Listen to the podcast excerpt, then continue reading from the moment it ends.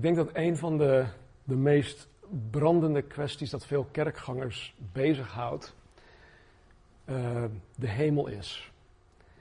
Oftewel, wat men de hemel noemt. En wanneer wij denken aan het hiernamaals, denken we aan of de hemel of aan de hel. Maar de hemel, de plaats waar gelovigen terechtkomen nadat zij komen te sterven, dat is denk ik een van de meest brandende issues uh, onder kerkgangers. En in de afgelopen tien jaar zijn er verschillende boeken geschreven over dit onderwerp. Uh, boeken die geschreven zijn door mensen die beweren naar de hemel uh, te zijn gegaan. En vervolgens teruggekomen zijn om hun verhaal te vertellen. Eén zo'n boek heet in het Nederlands De jongen die in de hemel was. Een ander boek, ook in het Nederlands, heet De jongen die uit de hemel terugkwam. Het eerste boek, De jongen die in de hemel was, verkocht in vier jaar tijd meer dan 10 miljoen Engelstalige exemplaren. Het stond jarenlang op de New York Times bestsellerlist. Het was zelfs verfilmd en de première in 2014 bracht ruim 100 miljoen dollar op. Nou, een aantal jaren geleden trachtte ik een kerkganger die terminaal was te counselen. Het is lastig als iemand terminaal is en je wil hun counselen met het woord van God en zij weigeren dat. Deze persoon hield zich meer vast aan deze twee boeken, omdat hij zich meer met deze boeken kon identificeren dan met de Bijbel zelf. En weet je, als je dat dan meemaakt, is dat gewoon triest. Je, huilt voor zo'n iemand. Niet zozeer omdat zij heen gaan, maar dat ze zich zo vastklampen aan getuigenissen van twee jongetjes die dit zogenaamd meegemaakt hebben. Het tweede boek, De jongen die uit de hemel terugkwam. Het bleek achteraf geheel verzonnen te zijn. De jongen waarover het verhaal gaat, heeft zijn verhaal geheel herroepen. Het was gewoon verzonnen. Critici van dit soort boeken noemt deze trend hemeltoerisme. Hemeltoerisme van de website Goedgelovig staat dit. Ik citeer. Het is een ware rage. Uitjes naar de hemel. Een zekere Donald Pieper bracht er 90 minuten door en verkocht 4 miljoen exemplaren van zijn reisverslag. Colton Burpo weet niet meer hoe lang hij boven was, maar van zijn reisdagboek gingen meer dan 10 miljoen exemplaren over de toonbank. Bill Wiese boekte zijn trip duidelijk op de verkeerde website. Want hij kwam in de hel uit. Met ook helse gevolgen voor zijn verkoopcijfers. Toch verkocht 23 Minutes in Hell nog beter dan de gemiddelde reisgids voor een aardse bestemming. Er zijn nog veel meer reizigers naar het hiernamaals. Samen zijn ze goed voor een nieuw genre in de christelijke met een G uitgeefwereld dat inmiddels net zo populair is als Amish fictie, einde citaat. Kijk, het probleem met dit soort boeken is dat de zogenaamde ervaringen niet overeenkomen met wat er in de Bijbel geschreven staat over de hemel. Dat is het grootste probleem. Er zijn slechts vier schrijvers in de Bijbel die visioenen van de hemel hebben gekregen en daarover geschreven hebben. Dat zijn Jesaja, Ezekiel, de apostel Paulus en de apostel Johannes. En alle vier beschrijven de hemel met, met weinig woorden. Wat we vanmorgen gezongen hebben. Ik zie de Heer gezeten op de troon, de zoon van zijn kleed. Jesaja. Met heel weinig woorden, enkele versen in de Bijbel, wordt door hun de Bijbel beschreven. De verhalen van de. de um, oh, en, en, en al deze um, beschrijvingen van de vier schrijvers alles komt overeen met elkaar. Het bijt elkaar niet. Het is gewoon één, één, één, uh, het is gewoon één geheel. En de verhalen van deze hemeltoeristen, die, die komen niet eens dichtbij bij de beschrijving van de Bijbelse schrijvers. En om deze reden moeten wij deze boeken zien als een vervalsing. Dus de vraag is, hoe kunnen wij het beste onze nieuwsgierigheid over de hemel gaan bevredigen? Hoe kunnen wij dat doen? Nou, het is eigenlijk heel simpel. Eén is door de Bijbel te lezen. Dat zeggen wij elke week opnieuw. Door de Bijbel te lezen, door de Bijbel te gaan bestuderen en vooral door te geloven. Het is een kwestie van geloof. Ik ben er nooit eerder geweest. Ik, ben, ik heb de, de eeuwigheid nog nooit eerder gezien. Maar ik geloof met heel mijn hart, ziel, kracht en verstand dat ik de eeuwigheid heb geërfd, beërfd. Dat ik daar naartoe ga, dat, het, dat ik een deel daarvan ben. Niemand kan mij wijsmaken dat dat niet zo is. Dus het is echt een kwestie van geloof. En niet geloof van, oh, ik hoop maar dat, hè, dat nee, het is een, een vast geloof. Ik weet het zeker. De hoop die de Bijbel ons geeft is, is trouwens zekerheid. Niet van, nou, ik, ik hoop maar dat het ooit. Nee, ik weet het zeker dat het ooit. Dus dat is hoop. Dus door de Bijbel te lezen, door de Bijbel te, bestuderen, door, uh, bestuderen, door te geloven, door het vertrouwen te hebben op God, dat God het allerbeste voor het einde heeft bewaard. The best is yet to come. Hij heeft echt het allerbeste voor het laatste bewaard. Paulus zegt iets heel moois. Hij zegt in 1 eh, Korinthe 2 vers 9, dan citeert hij twee plekken uit Jesaja. Hij zegt, wat geen oog heeft gezien en geen oor heeft gehoord en in geen mensenhart is opgekomen, dat is wat God bereid heeft voor hen die hem liefhebben. Nogmaals, wat geen oog heeft gezien en geen oor heeft gehoord en in geen mensenhart is opgekomen, dat is wat God bereid heeft voor hen die hem liefhebben.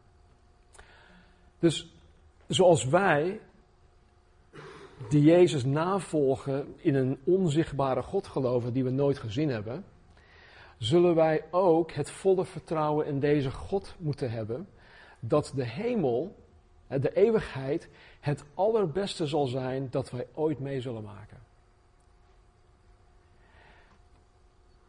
Wij snappen niet, en dat is, dat is, want het is onmogelijk om dit te snappen. Wij snappen echt niet waar, waarvoor onze ogen gemaakt zijn. Wij snappen echt niet waarvoor onze oren gemaakt zijn.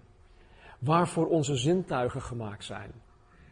Kijk, als wij nu bijvoorbeeld naar, uh, naar Oostenrijk toe gaan of naar uh, de, de, de Middellandse Zee, dan zien wij mooie dingen. Wij, wij aanschouwen mooie dingen en zeggen: Oh Heer, wat bent u goed.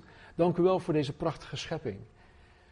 Maar weet je, dat is gewoon helemaal niks vergeleken met wat er, wat er komen gaat. Volgende week gaan, wij, gaan we kijken naar het Nieuwe Jeruzalem. En alleen al het fundament van de muur om het Nieuwe Jeruzalem heen bestaat uit dingen die wij nooit eerder hebben, hebben gezien. We zullen dan pas doorkrijgen waar, waar, waarvoor onze ogen zijn gemaakt. En dat is gewoon, ja. Ik heb een vriend die zegt: Oh man, dat is too much. Dat is gewoon te gek. We hoeven niet per se alle, details of uh, alle details van het hemels leven te weten. Wij zijn aan deze kant van de eeuwigheid niet eens in staat om het hemelse überhaupt te kunnen bevatten. Dat is onmogelijk.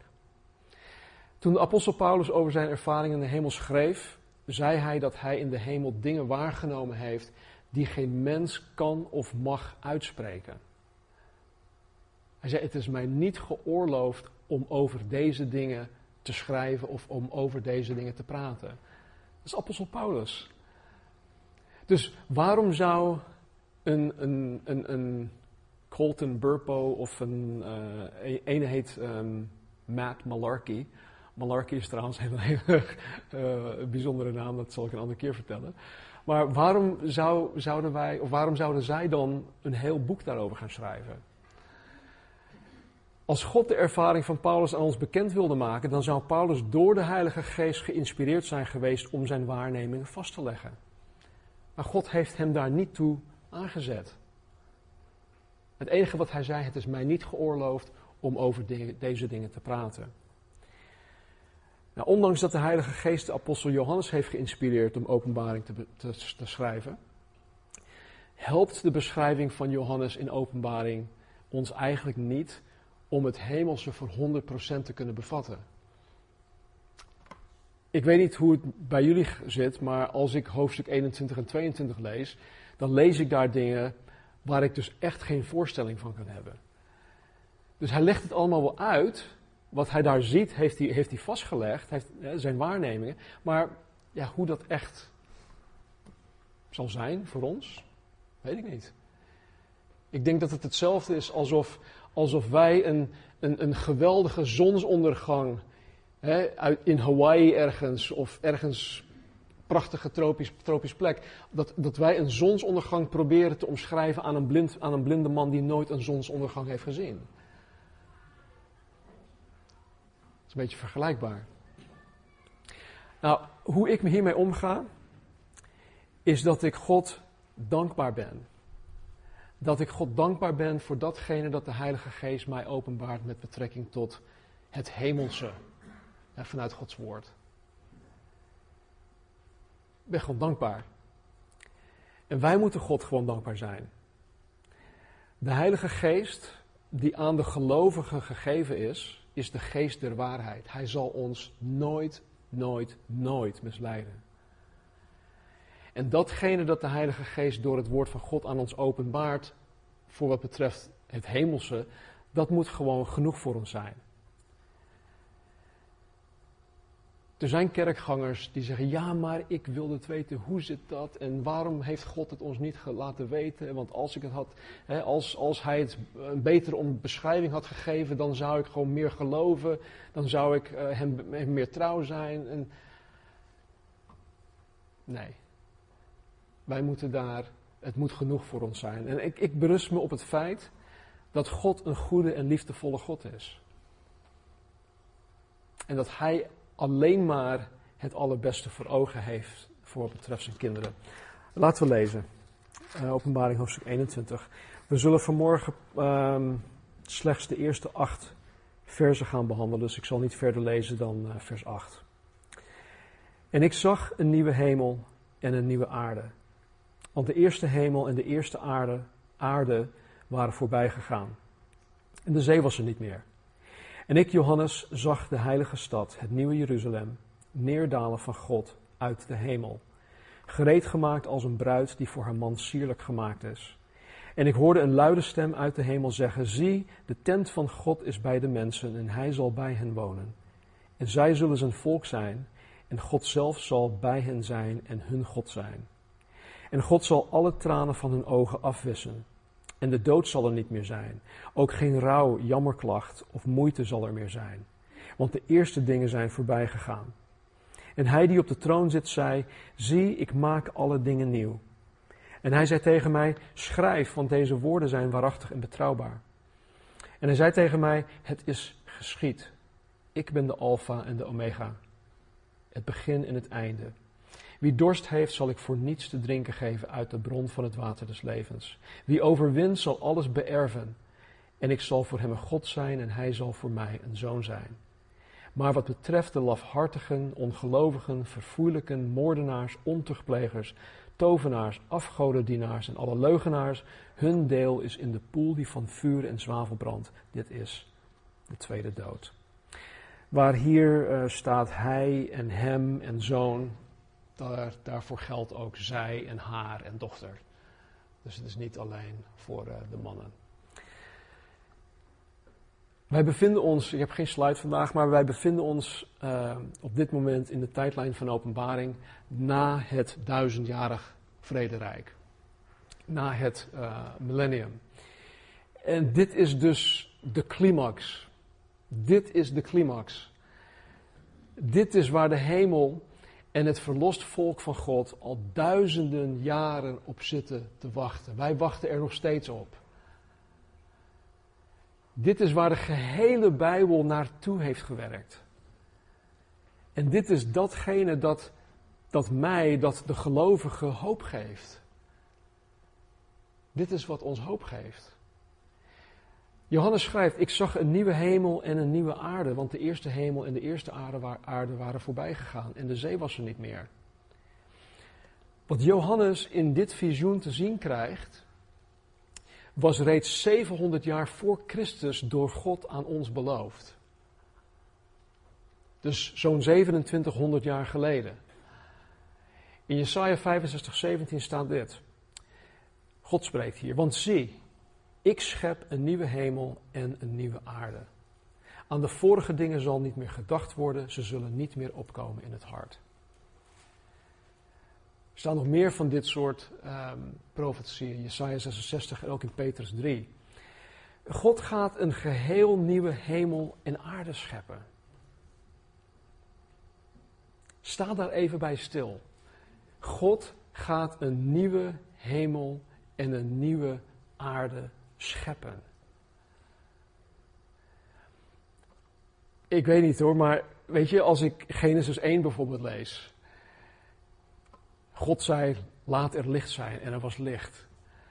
Nou, als ik terugkijk naar momenten in de Bijbel waar ik heel graag bij zou zijn geweest. Nou, dat, dat zou van, de, een van die momenten zijn geweest. Dat God het uitsprak en het was er gewoon en hij zag dat het goed was. Wij gaan dit meemaken.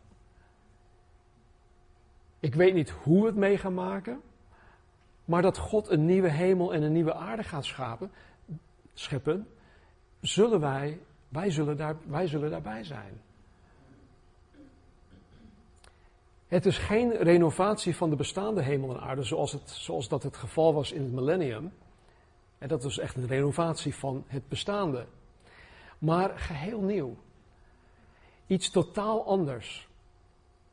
Nou, over al dit nieuwe en over ehm, het Nieuw Jeruzalem zal ik aanstaande zondag meer gaan zeggen. De eerste hemel en aarde zullen op een gegeven moment in de menselijke geschiedenis gewoon verdwijnen.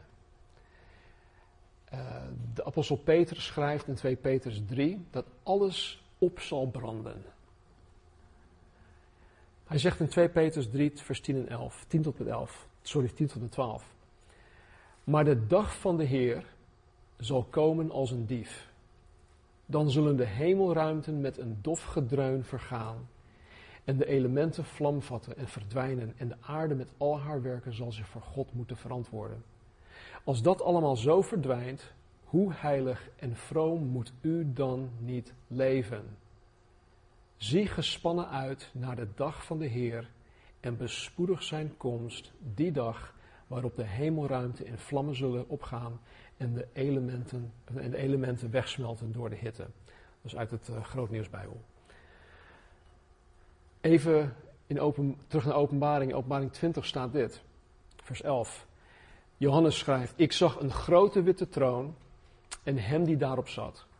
Voor zijn aangezicht vluchten de aarde en de hemel weg zodat er geen plaats meer voor hen te vinden was. Dus aan het eind van, de, van het millennium, wanneer Jezus alles gaat uh, oordelen, wanneer hij op de, de, de, de grote witte troon zit, vlucht de aarde en de hemel weg. Het is er op dat moment dus niet meer, het bestaande. En dan komt het nieuwe, hoofdstuk 21. De huidige aarde en universum zal op een gegeven moment gewoon geheel verdwijnen. Het zal opgaan in brand. En ik kan me voorstellen hoe de, de, de milieuactivisten, de, de groene partijen en degenen die buitenaards leven proberen te ontdekken, dat zij gewoon zwaar teleurgesteld zullen raken. Wanneer zij dit op een gegeven moment door gaan krijgen. Kijk, ik, ik, heb, ik heb niets tegen het goed zorgen voor de aarde. Begrijp me niet verkeerd. Ik gooi nooit een stukje kauwgom uit, uit, uit mijn autoraam, uh, papiertje, nooit. Dat doe ik nooit. Het, ligt allemaal in, zo, in onze auto. en één keer in de maand wordt die auto uh, schoongemaakt. Nee, maar weet je, dus we zijn er heel, best wel conscientieus mee bezig. Uh, we scheiden ons afval heel conscientieus, noem maar op. Dus wij zijn ook milieubewust be bezig. Maar al die, die, die, die boomknuffelaren, weet je wel, en, en die, uh, die mensen, um, die zullen zo ontzettend teleurgesteld worden. Het leven hier op aarde is tijdelijk. En niet alleen in de zin uh, van dat, dat wij op een gegeven moment in dit leven zullen, uh, of dit leven zullen verlaten. het, ook, ook, op die man, ook in die zin is het tijdelijk. Maar het is ook letterlijk tijdelijk in de zin dat de aarde zal ophouden te bestaan. Het zal ophouden te bestaan. En daarom worden Gods kinderen geacht reizigers te zijn op aarde. Dit is niet ons vaste thuis. De aarde en het leven op aarde moeten we zien als een, uh, als een, als een camping. Het is gewoon tijdelijk. Wie van ons steekt al zijn tijd en energie en geld in een tijdelijke standplaats op de camping? Nou, sterker nog, ik weet iemand in deze kerk die op zoek gaat naar een gratis camping als dat mogelijk is.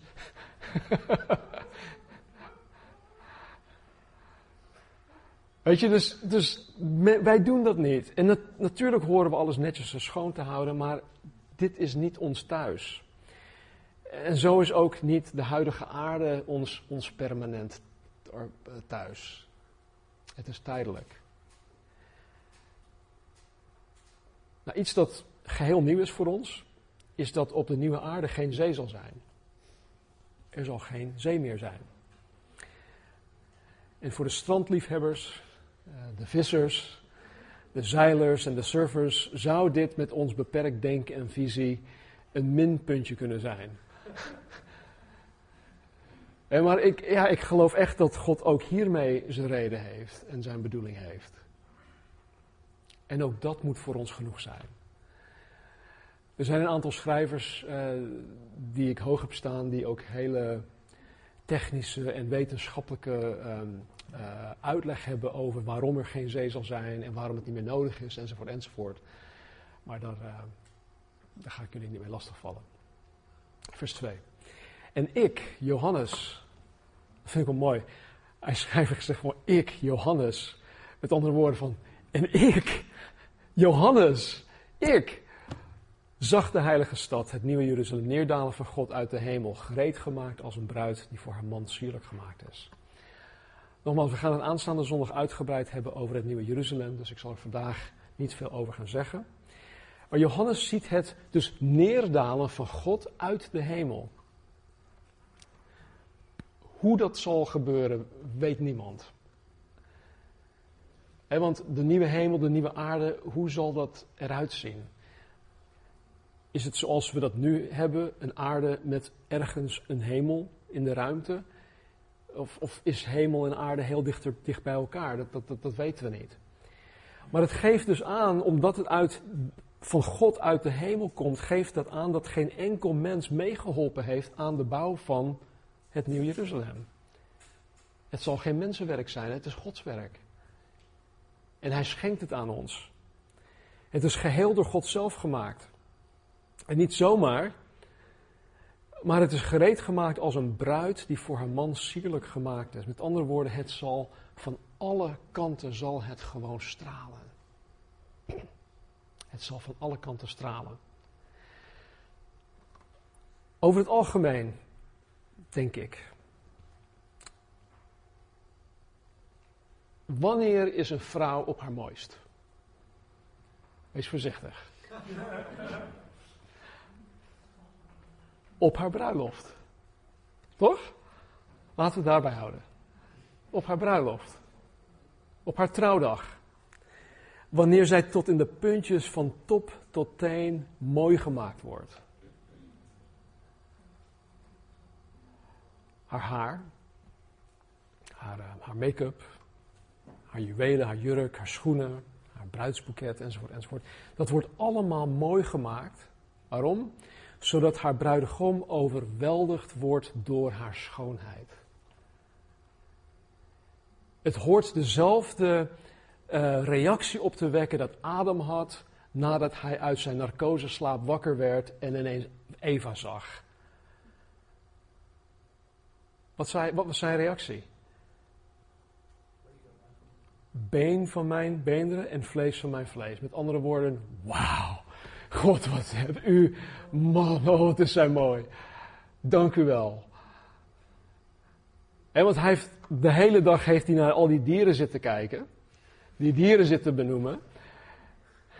En, en er staat letterlijk, en er, ja, er was geen enkel dier die bij hem paste. En ineens ziet hij Eva. Wauw, dank u God. En dat is ook de, de reactie die een bruid hoort op te wekken wanneer zij zo gepresenteerd wordt aan haar bruidegom. En dat is ook de reactie die God ons wil geven wanneer God het nieuwe Jeruzalem aan ons zal presenteren. Niets, maar dan ook niets zal aan haar ontbreken. Het zal het mooiste zijn dat onze ogen zullen waarnemen. En hiertoe hebben wij ogen gekregen.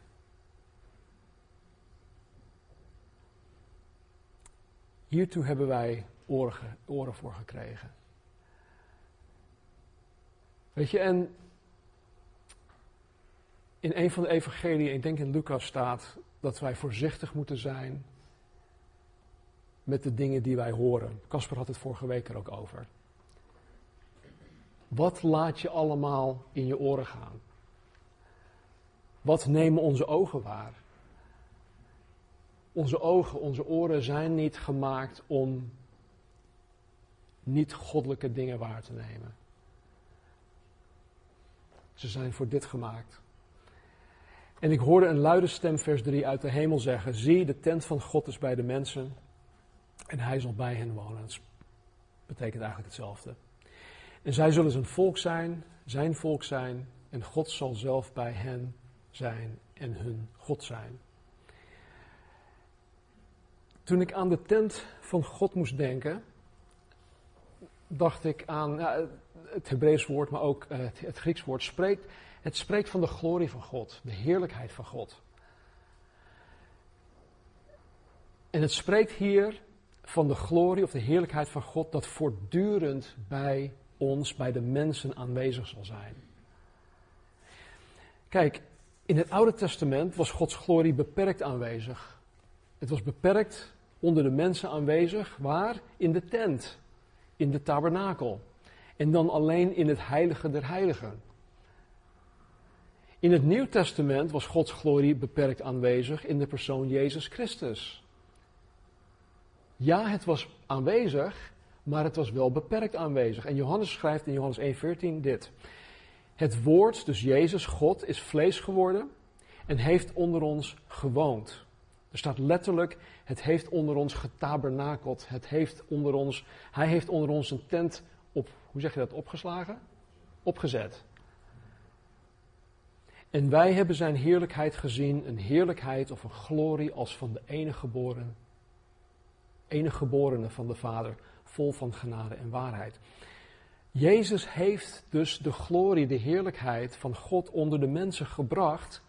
Maar zoals een mens alleen op één plek tegelijk kan zijn, was hij daarin beperkt.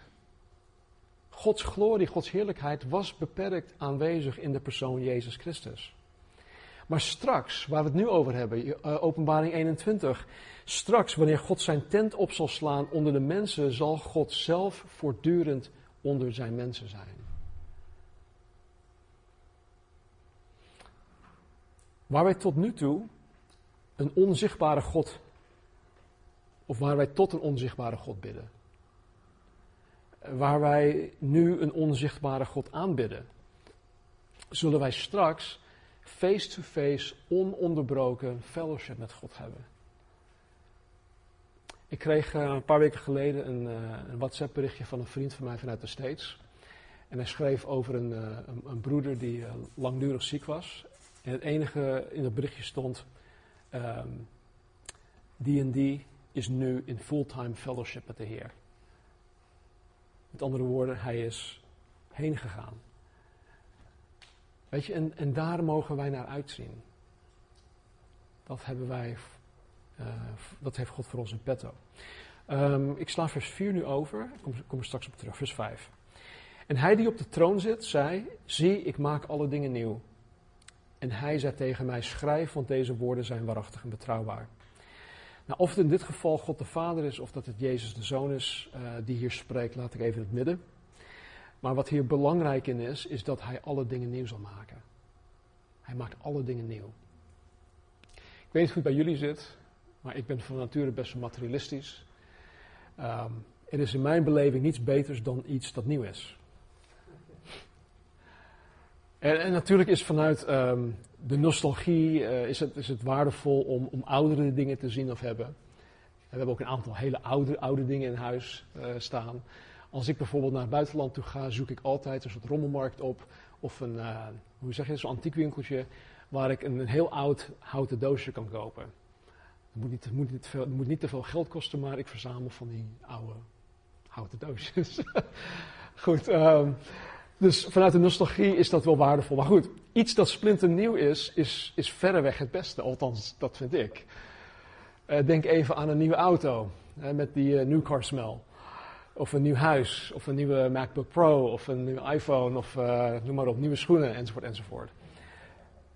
Nieuwe dingen zijn gewoon fijn.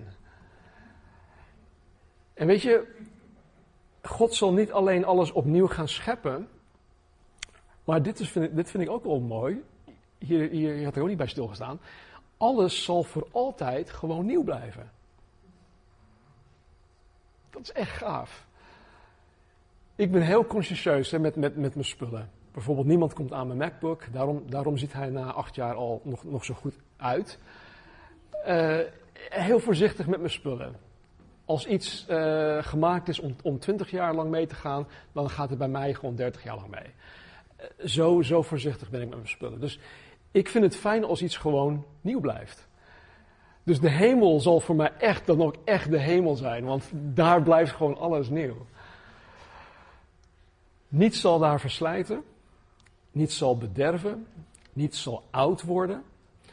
Alles zal constant splinternieuw, blijven. Dat is voor mij gewoon echt de hemel. God zegt tegen Johannes: schrijf. En we weten niet precies waarom Johannes verteld werd om te schrijven, maar ik kan me voorstellen dat Johannes gewoon overweldigd werd met alles wat hij, wat hij te zien uh, kreeg. Uh, dat hij vergat om te schrijven. Vandaar dat God zegt: Johannes, schrijf. Oh ja, ja oké, sorry. De woorden van God zijn waarachtig en betrouwbaar. En ze zijn waarachtig en betrouwbaar om het simpele feit dat de woorden door God zelf uitgesproken worden. God meent wat hij zegt en God zegt wat hij meent. Vers 6. En hij zei tegen mij: Het is geschied. Ik ben de Alpha, de Omega, het begin en het einde. Wie dorst heeft, zal ik voor niets te drinken geven uit de bron van het water des levens. De eeuwige God zegt hier tegen Johannes: Het is geschied. Eh, dit betekent dat al het werk met betrekking tot de geschiedenis van de mens klaar is. Het is, het is over, het is voorbij, het is klaar, het is geschied. Het betekent niet dat er niets meer te doen valt. Maar dat die fase gewoon voorbij is. En dat er vanaf dit moment alleen nog maar gewerkt gaat worden aan de zaken die betrekking hebben tot de eeuwigheid. Het is geschied. En de belofte dat God de dorstige voor niets zal laten drinken uit de bron van het water des levens is de vervulling van zoveel profetieën vanuit het Oude Testament, maar ook het Nieuw Testament. En dat God het voor niets geeft, betekent dat wij alleen maar hoeven te drinken. Wij hoeven er alleen maar van te drinken. Wij hoeven er verder niets voor te doen. Wij kunnen er sowieso verder niets aan, doen of voordoen. Want de redding dat God aan de mens biedt is geheel op basis van zijn genade. Wij hoeven alleen maar te komen. Wij hoeven alleen maar te geloven. Het drinken uit deze bron, de bron van het water des levens, geeft ons het overvloedig leven. Jezus zei in Johannes 10 dat Hij de goede herder is, dat Hij gekomen is om leven te geven en overvloed. Dat heeft enerzijds betrekking op dit leven hier, want I'm flourishing. ik heb echt een overvloedig leven hier op aarde nu. Dat geloof ik echt en dat, dat meen ik ook echt. Maar die overvloed de echte overvloed, dat zal pas komen in openbaring hoofdstuk 21. Het zal een leven zijn dat miljarden malen beter is dan wat wij nu kunnen voorstellen. Nogmaals, we hebben daar geen voorstelling van. Het is niet mogelijk om dat voor te kunnen stellen. Vers 7. Wie overwint, zal alles beërven. En ik zal voor hem een God zijn. En hij zal voor mij een zoon of dochter zijn. Het overwinnen heeft puur te maken met het geloven dat Jezus de zoon van God is. Johannes schrijft daarover in zijn eerste brief. Het is dus ons geloof dat ons de overwinning geeft. En wij die geloven, zullen alles beërven. Wij zullen alles beërven. Al het goede dat God voor ons in petto heeft, zal Hij gewoon aan ons schenken. Wij staan in Zijn testament geschreven. En Hij gaat het ons geven. Stel je voor, hè. Stel je voor dat Bill Gates, die is op dit moment voor vier jaar achter elkaar de rijkste man op deze planeet. Hij heeft dit moment, op dit moment heeft hij 86 miljard dollar op de bank staan. Of vermogen. Stel je voor dat Bill Gates, die met zijn vermogen van 86 miljard dollar jou, jou als erfgenaam benoemt. Om al zijn bezittingen te beërven. Ik weet zeker dat jij op het moment dat je een telefoontje zal krijgen van zijn, uh, van zijn uh, advocaat, dat jij op en neer zal springen, door de stad heen zal gaan rennen uit blijdschap. Denk even na over een, een cheque van 86 miljard dollar. Wat je daarmee zou kunnen doen.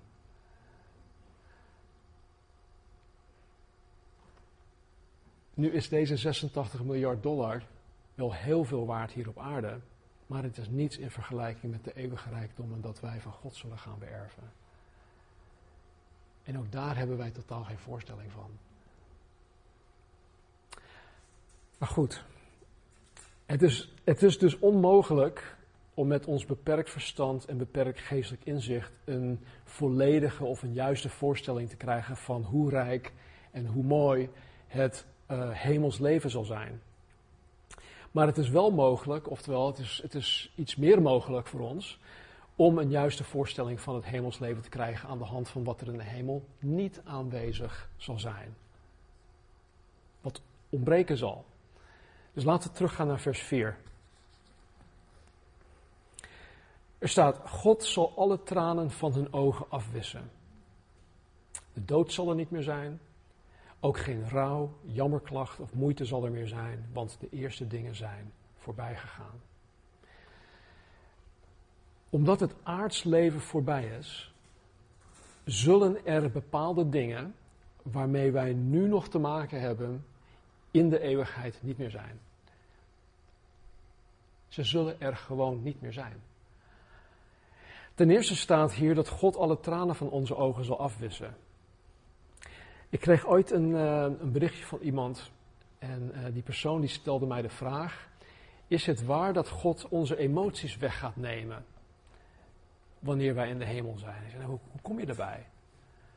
Ja, want er staat dat God alle tranen van onze ogen zal afwissen. Dat betekent dus dat wij ja, misschien niet, niet meer kunnen huilen? Of wat, wat, wat, wat, wat, wat bedoelt de Bijbel hier nou mee? Zegt nou, nee, het is niet zo dat God onze emoties weg zal nemen. We zullen geen zombies worden in die zin. Um, maar ja, betekent dit dan dat er in de hemel toch nog wel tranen zullen vloeien? Als dat niet zo is? Um, nou, ik, ik denk het niet.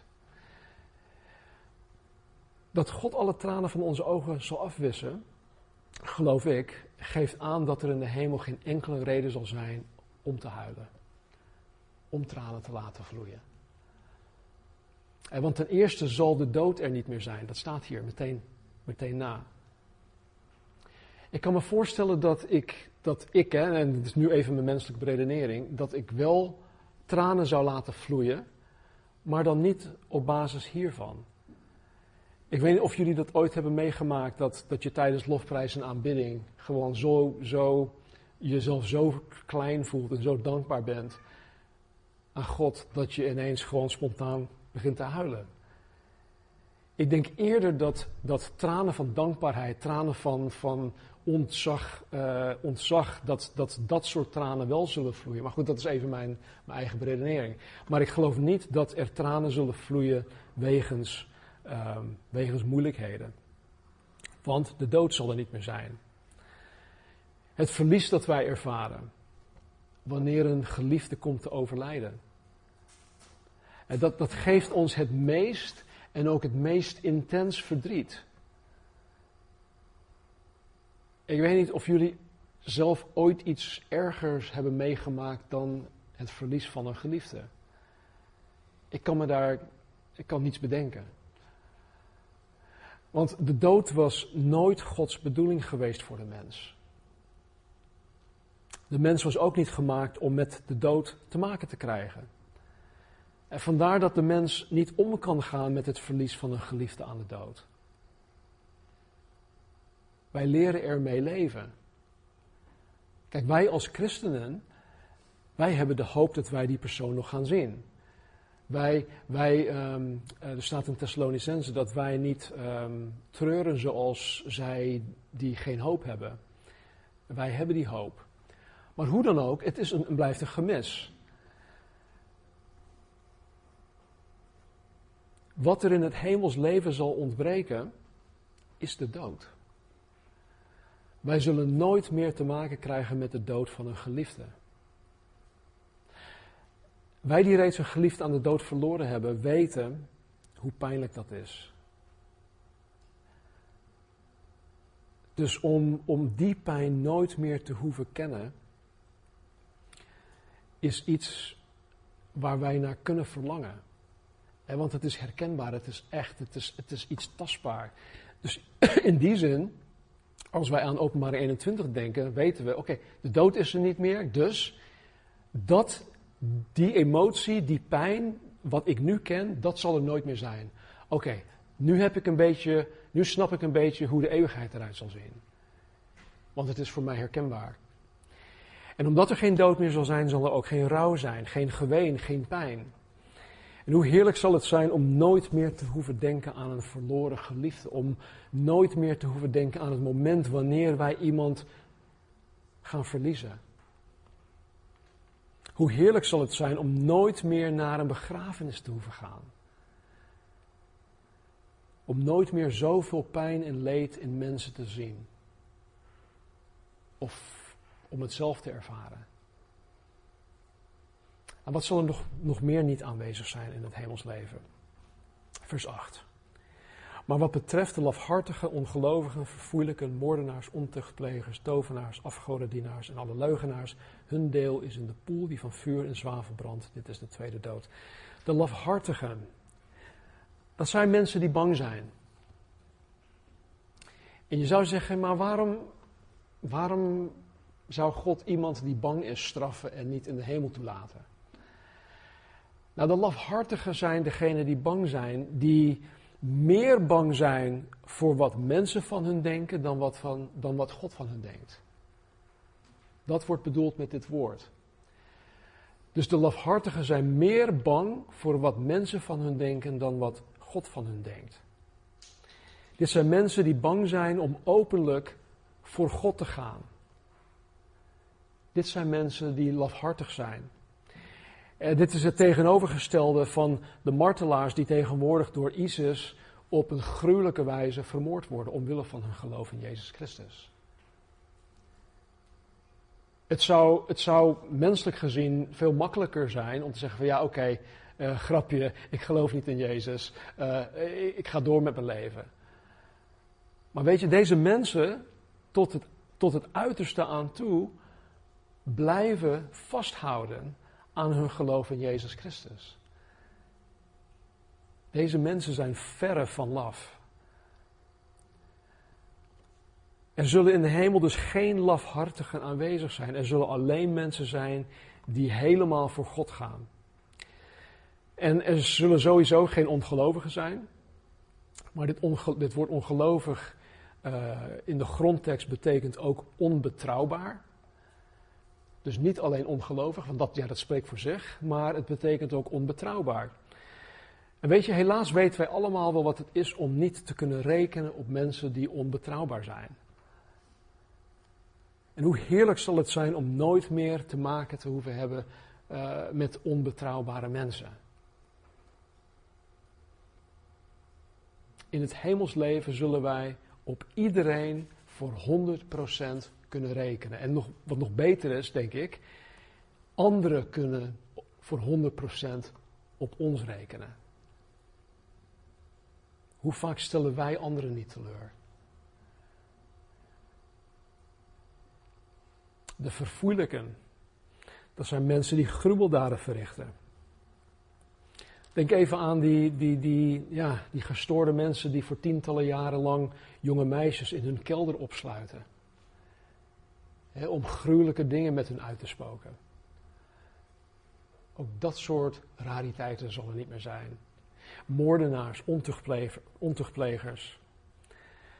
Weet je, als ouder zijnde, en nu als, als opa zijnde, uh, denk ik, en, en ik, ik vrees soms voor mijn kleinkinderen. Jullie die jonge kinderen hebben, ik weet het ook, jullie hebben een bepaalde mate van vrees voor je kinderen. En terecht. We leren onze kinderen om niet met vreemden te praten. En we leren onze kinderen om, om, om zeker niet uh, met een vreemde de auto in te stappen. Al is het een buurman of buurvrouw of wie dan ook, of iemand die je van school kent. Nee, je moet je kinderen gewoon leren om dat niet te doen. We vrezen voor onze kinderen wanneer zij in het kinderdagverblijf zijn, of wanneer wij hun door iemand laten oppassen. Helaas is het ook zo dat, dat, dat seksueel misbruik onder kinderen vaak voorkomt uh, wegens, uh, door familieleden, door bekenden. Een, een, een hoog percentage komt dus niet voor door vreemden, maar juist door bekenden. In het hemelsleven zullen wij geen vrees meer hebben voor dit soort dingen. Heerlijk. Geen vrees. We zullen niet gebombardeerd worden met nieuwsflitsen over kinderen of tieners die seksueel misbruikt zijn en vervolgens vermoord zijn. En de verhalen van een Romy of van dat andere meisje. Weet je, dat soort dingen zullen wij nooit meer te horen krijgen. En hoe heerlijk zal dat zijn om daar nooit meer, überhaupt om daar nooit meer aan te hoeven denken. Om daar voor eeuwig gewoon van af te zijn. Tovenaars. Grieks woord is pharmakeia, waar, waarvan we ehm, ja, het woord um, farmacie ook uh, krijgen en ook farmaceutisch uh, krijgen. En dat heeft voornamelijk te maken met drugsgebruik. Drugsgebruik was, was, was veelal een onderdeel van uh, ja, de magie en dat soort dingen. Weet je, wij die ooit of misschien nog steeds te maken hebben met, met iemand die drugsverslaafd is, weet heel goed dat het een soort van hel is om met dit soort mensen om te gaan. Drugsverslaving maakt alles, maar dan ook alles kapot. Het maakt alles kapot. En ook dit zal er niet meer zijn. Afgodendienaars, leugenaars. Afgodendienaars zijn mensen die de God van de Bijbel niet op de eerste plaats in hun leven hebben staan. En weet je, zelfs in de, de, de, de kerkwereld, dat hebben wij toen, toen geleerd in, uh, in Matthäus hoofdstuk 13. Zelfs in de kerkwereld zijn er afgodendienaars. Want alles dat de plaats van God inneemt, zoals voor een kerkganger, is een afgod. En dan maakt het niet uit wat het is. Zelfs goede dingen kunnen een afgod worden.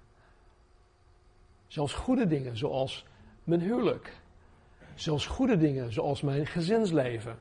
Zelfs goede dingen zoals mijn kinderen. Zelfs goede dingen zoals mijn werk. Noem maar op. Mijn studie.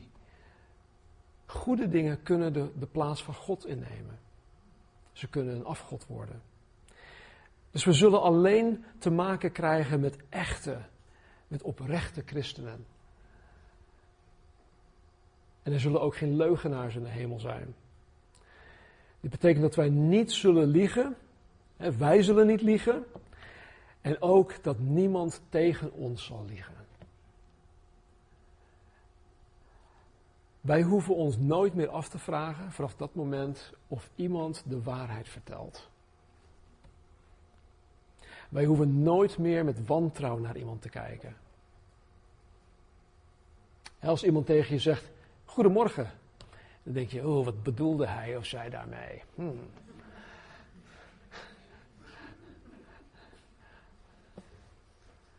We zullen iedereen voor 100% kunnen geloven. En iedereen zou mij voor 100% kunnen geloven.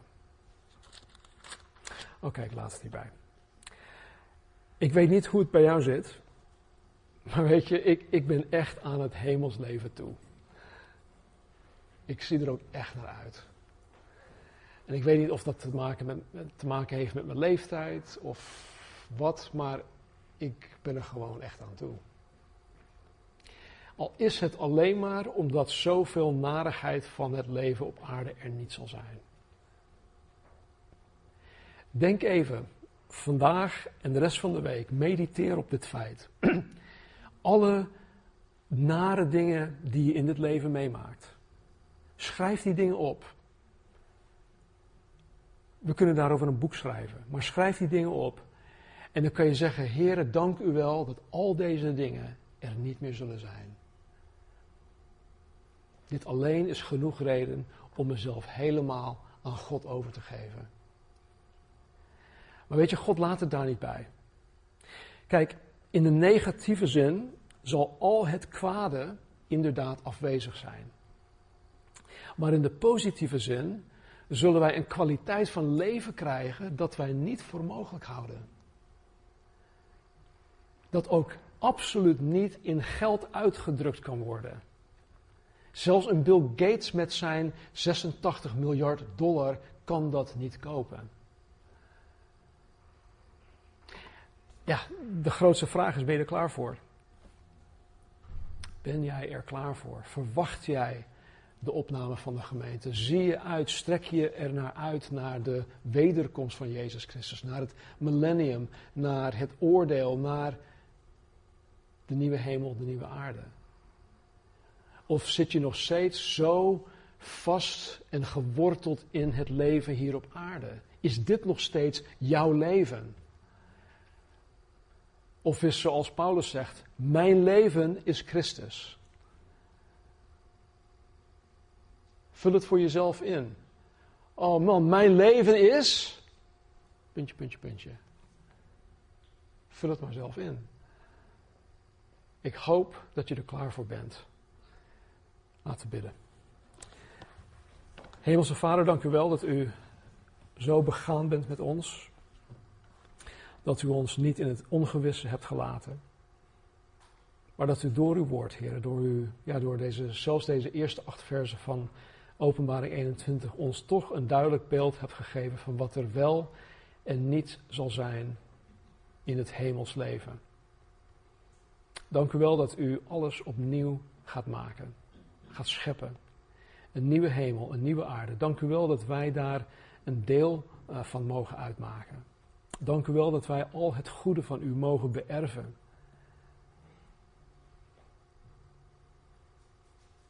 Dank u wel, God, dat u alleen het allerbeste voor ons voor ogen hebt.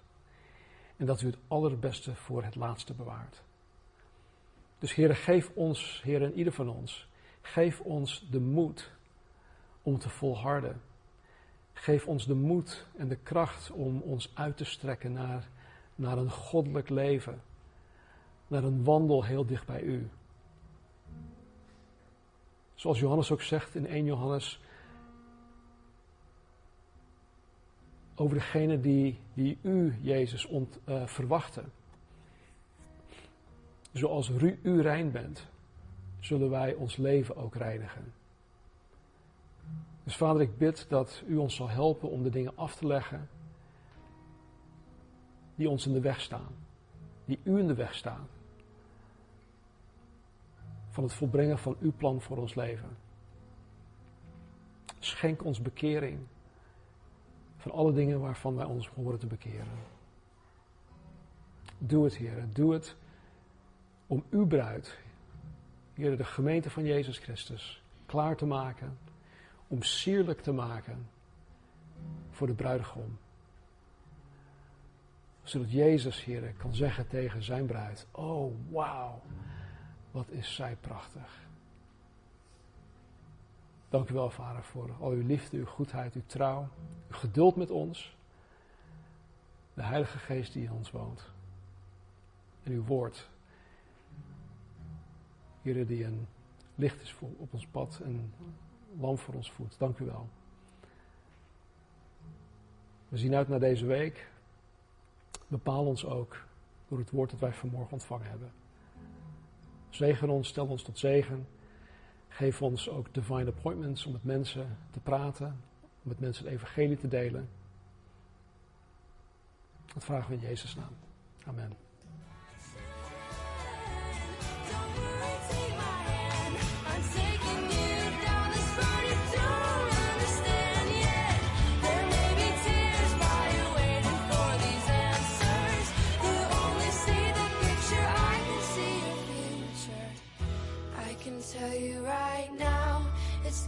Be alright.